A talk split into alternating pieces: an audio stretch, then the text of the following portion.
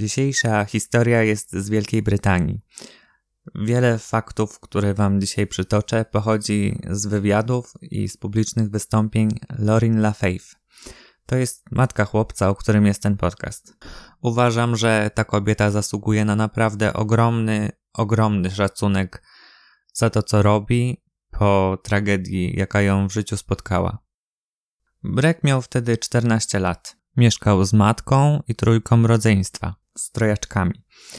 Rodzice rozwiedli się w 2006 roku. Ojciec handluje ropą naftową, a matka jest asystentką nauczyciela. Rodzina mówiła, że Brek był bardzo inteligentny, radosny, jego siostra twierdziła, że był jej ulubionym bratem, zawsze mogła na niego liczyć. Mama wspomina, że syn miał umysł ścisły, jako dziecko uwielbiał baba budowniczego, tworzenie nowych rzeczy sprawiało mu największą radość, lubił układać klocki i był, i był dobry w hokeja. Nie miała z nim absolutnie żadnych problemów. Był grzeczny i bezkonfliktowy. Koledzy, których znał od czwartego roku życia, których znała też jego mama, bo pracowała w szkole, w której uczyło się jej dziecko, wciągnęli go w gry komputerowe. To była taka sześcioosobowa grupa. Grał z nimi w CSGO i uwielbiał grę Battlefield. Jeżeli ktoś się nie orientuje, to rozrywka pełna przemocy, krwi, osadzona w takich wojennych klimatach. Obydwie te pozycje to pierwszoosobowe strzelanki, które wymagają dostępu do internetu, takie, w których ciągle jednak ma się jakiś kontakt z innymi obcymi ludźmi. Można grać samemu, można grać z kimś. Wiadomo, Brek miał kolegów, ale trzeba też mieć gdzie grać. I chodzi mi w tym miejscu o serwer do gry. Taki serwer miał Louis Daines. Tak y, Brek i Louis się poznali i zaprzyjaźnili. Lorin po powrocie do domu zdarzało się widzieć syna przy komputerze. Jej uwagę przykuwał wtedy bardzo męski, głęboki głos Louisa. Myślę, że nie można jej w ogóle zarzucić, że się tym nie interesowała. Pewnego razu zapytała, kto to jest i ile ma lat. Breck powiedział jej, że to poznany w sieci nowy kolega, który niedługo skończy 18 lat, mieszka w Stanach i pracuje dla amerykańskiego rządu pod przykrywką. Ma kontrakt z FBI. I wiem, co sobie teraz pomyślicie. I jego mama zareagowała identycznie. Dało się zauważyć, że Louis zrobił na nim ogromne wrażenie, choć nie brzmiało to dość wiarygodnie. Podejrzane też było zdjęcie, które wyświetlało się gdzieś tam przy kontakcie Louisa na TeamSpeaku. To taki Skype. Można tam sobie ustawić jakieś zdjęcie profilowe, jakiś awatar. W tym wypadku to był chłopak w smokingu z różowym krawatem, miał ciemne włosy, ciemne oczy. No, w dobie selfie to takie trochę nie na czasie. Takich historii z czasem było dużo, dużo więcej. Breck opowiadał je Lorin w czasie jazdy samochodem. Mówił, że Louis pragnie pomagać ludziom. Taki właśnie jest, że zarobił 2 miliony dolarów w kryptowalutach na bitcoin i oddał je siłom opozycji w Syrii. Znowu możecie pomyśleć, o co chodzi, to na pewno jakiś oszust, może grozi mu niebezpieczeństwo, tylko jakie niebezpieczeństwo, skoro Louis mieszka w Nowym Jorku. Breck często w czasie gry zostawiał otwarte drzwi do swojego pokoju. Informował wtedy Louisa, kiedy Lorin była w pobliżu. Miał się zachowywać grzeczniej niż w nastoletnim towarzystwie, no wiadomo. Louis się z nią witał. Był bardzo przyjazny, choć trochę nieśmiały. Znajomość trwała, ale zaczęła powoli wpływać na ich rodzinne relacje. Lorin prosiła syna o to, żeby wykonywał różne domowe obowiązki, no a w tym czasie głos z komputera, z komputerowych słuchawek podpowiadał mu, że wcale nie musi robić tego, o co prosi go mama. Przecież może powiedzieć, że nie chce, że nie ma czasu. Zaczęła się zmieniać też jego osobowość. Lorin czuła, że nie był taki jak dawniej. Nie był agresywny, ale był, no po prostu był inny. Często powtarzał, że Louis mówi, że i wtedy wymieniał rzeczy, których powinno i nie powinno mu się nakazywać. Nie chciał sprzątać, buntował się przed chodzeniem do kościoła, chociaż to jest coś, co w jego rodzinie było bardzo normalne. Mówił, że nie musi chodzić do szkoły, bo Louis załatwi mu pracę, kiedy będzie pełnoletni. Louis był po prostu argumentem na wszystko. Lorin była przekonana, że po drugiej stronie na pewno jest ktoś znacznie, znacznie starszy, że to jest jakiś 40-letni zboczeniec w samych gaciach, który stara się uwieść młodych chłopców. No chyba każdy pomyślałby tak samo albo podobnie. Pewnego dnia Breck przedstawił matce dwie strony wypunktowanego manifestu. Powiedzmy, że to był taki dokument o tym, czego Lorin wolno, a czego nie wolno było robić w stosunku do Breka, czego nie powinno mu zabraniać, bo inaczej ucieknie z domu, jak skończy 16 lat. Dość niecodzienna sytuacja. Nigdy wcześniej nie pisał niczego podobnego, ani w podobny sposób, więc było oczywiste, że maczał w tym balce ktoś inny.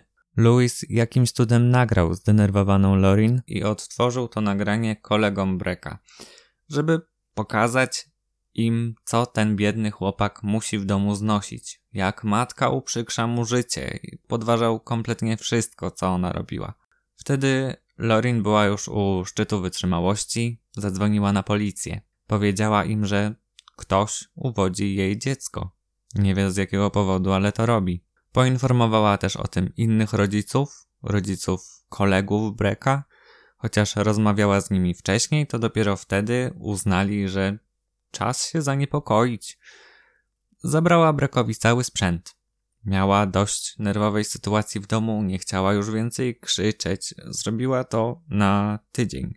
Brek nie miał z tym większego problemu. Podszedł do tego bardzo spokojnie. Lorin zorganizowała później spotkanie z rodzicami i z dziećmi. Po nim wszyscy myśleli, że już jest kompletnie po problemie.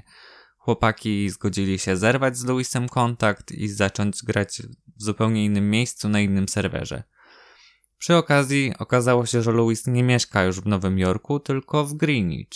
Lorin zabierając wszystkie sprzęty z pokoju Breka pominęła jednak odtwarzacz MP3, który został w biurku. Louis poprosił Breka, żeby nagrał spotkanie z rodzicami i wysłał mu plik. No i wtedy sprawa zaczęła się komplikować. W lutym 2014 roku Breck wyjechał do Hiszpanii. Bawił się tam świetnie, o czym napisał swojej mamie w SMS-ie. Była z niego bardzo dumna, szczęśliwa, że jest z dala od komputera, z ludźmi, których zna, jest zadowolony.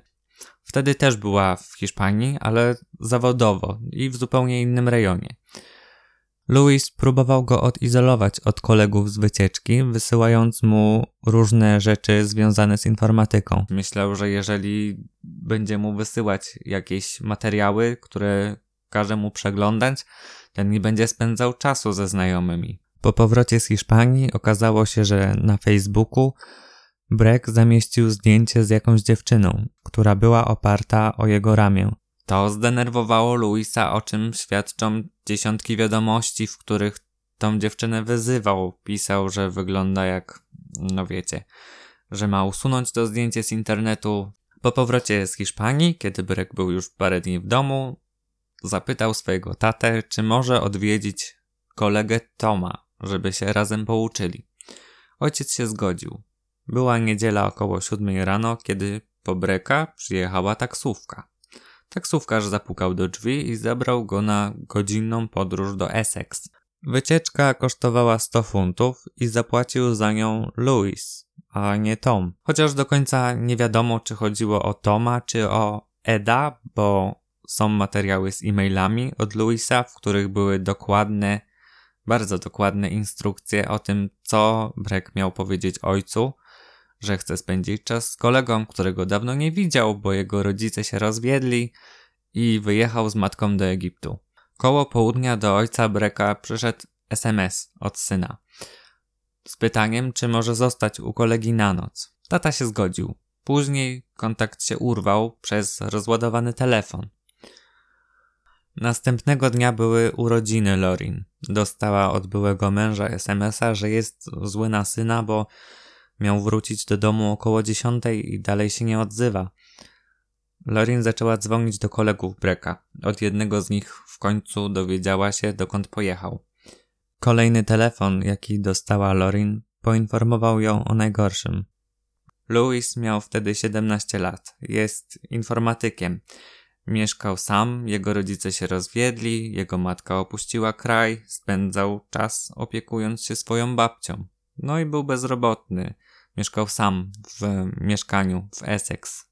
Tam kupił serwer i spędzał czas rozmawiając z nastolatkami. Zamordował Breka. Poderżnął mu gardło, zadźgał na śmierć, wcześniej związał. W 2011 roku był oskarżony o gwałt na innym chłopcu, czego dopuścił się też i tym razem. Próbował zatrzeć ślady, chociaż podtrzymywał, że działał w obronie własnej, to jednak próbował zniszczyć swój komputer i pozbyć się ubrań, które miał na sobie, mordując.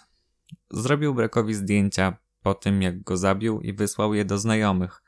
I tym sposobem o śmierci brata dowiedziało się jego rodzeństwo. Dostali pełno wiadomości z pytaniami, czy, czy to jest prawda, że Brek nie żyje. Ech. Louis został skazany na dożywocie. Ma spędzić w więzieniu przynajmniej 25 lat. Po tym okresie może się ubiegać o jakieś wcześniejsze zwolnienie warunkowe. W święto dziękczynienia, w czasie kiedy Louis siedział w więzieniu, w internecie pojawiły się dwa listy otwarte, które były podpisane jego nazwiskiem. Próbował w nich przedstawić zupełnie inną wersję wydarzeń, chociaż wiadomo, że jest niezłym manipulatorem, więc to chyba był jedyny cel wystosowania tych listów, jeżeli w ogóle były jego, bo nie wiadomo tak naprawdę, kto je opublikował. Więźniowie mają zakaz posiadania i korzystania z komórek w celach. Mogliby zostać za to ukarani. Jest jeszcze jedna rzecz, której nie zrobiłem w tym materiale chronologicznie. Po dokonaniu morderstwa Louis zgłosił je na policję sam. I z tym nagraniem was dzisiaj zostawiam. What's happened? My friend and I got into an altercation and I'm the only one who came out alive. Are you telling me you've killed somebody? Yes, I am.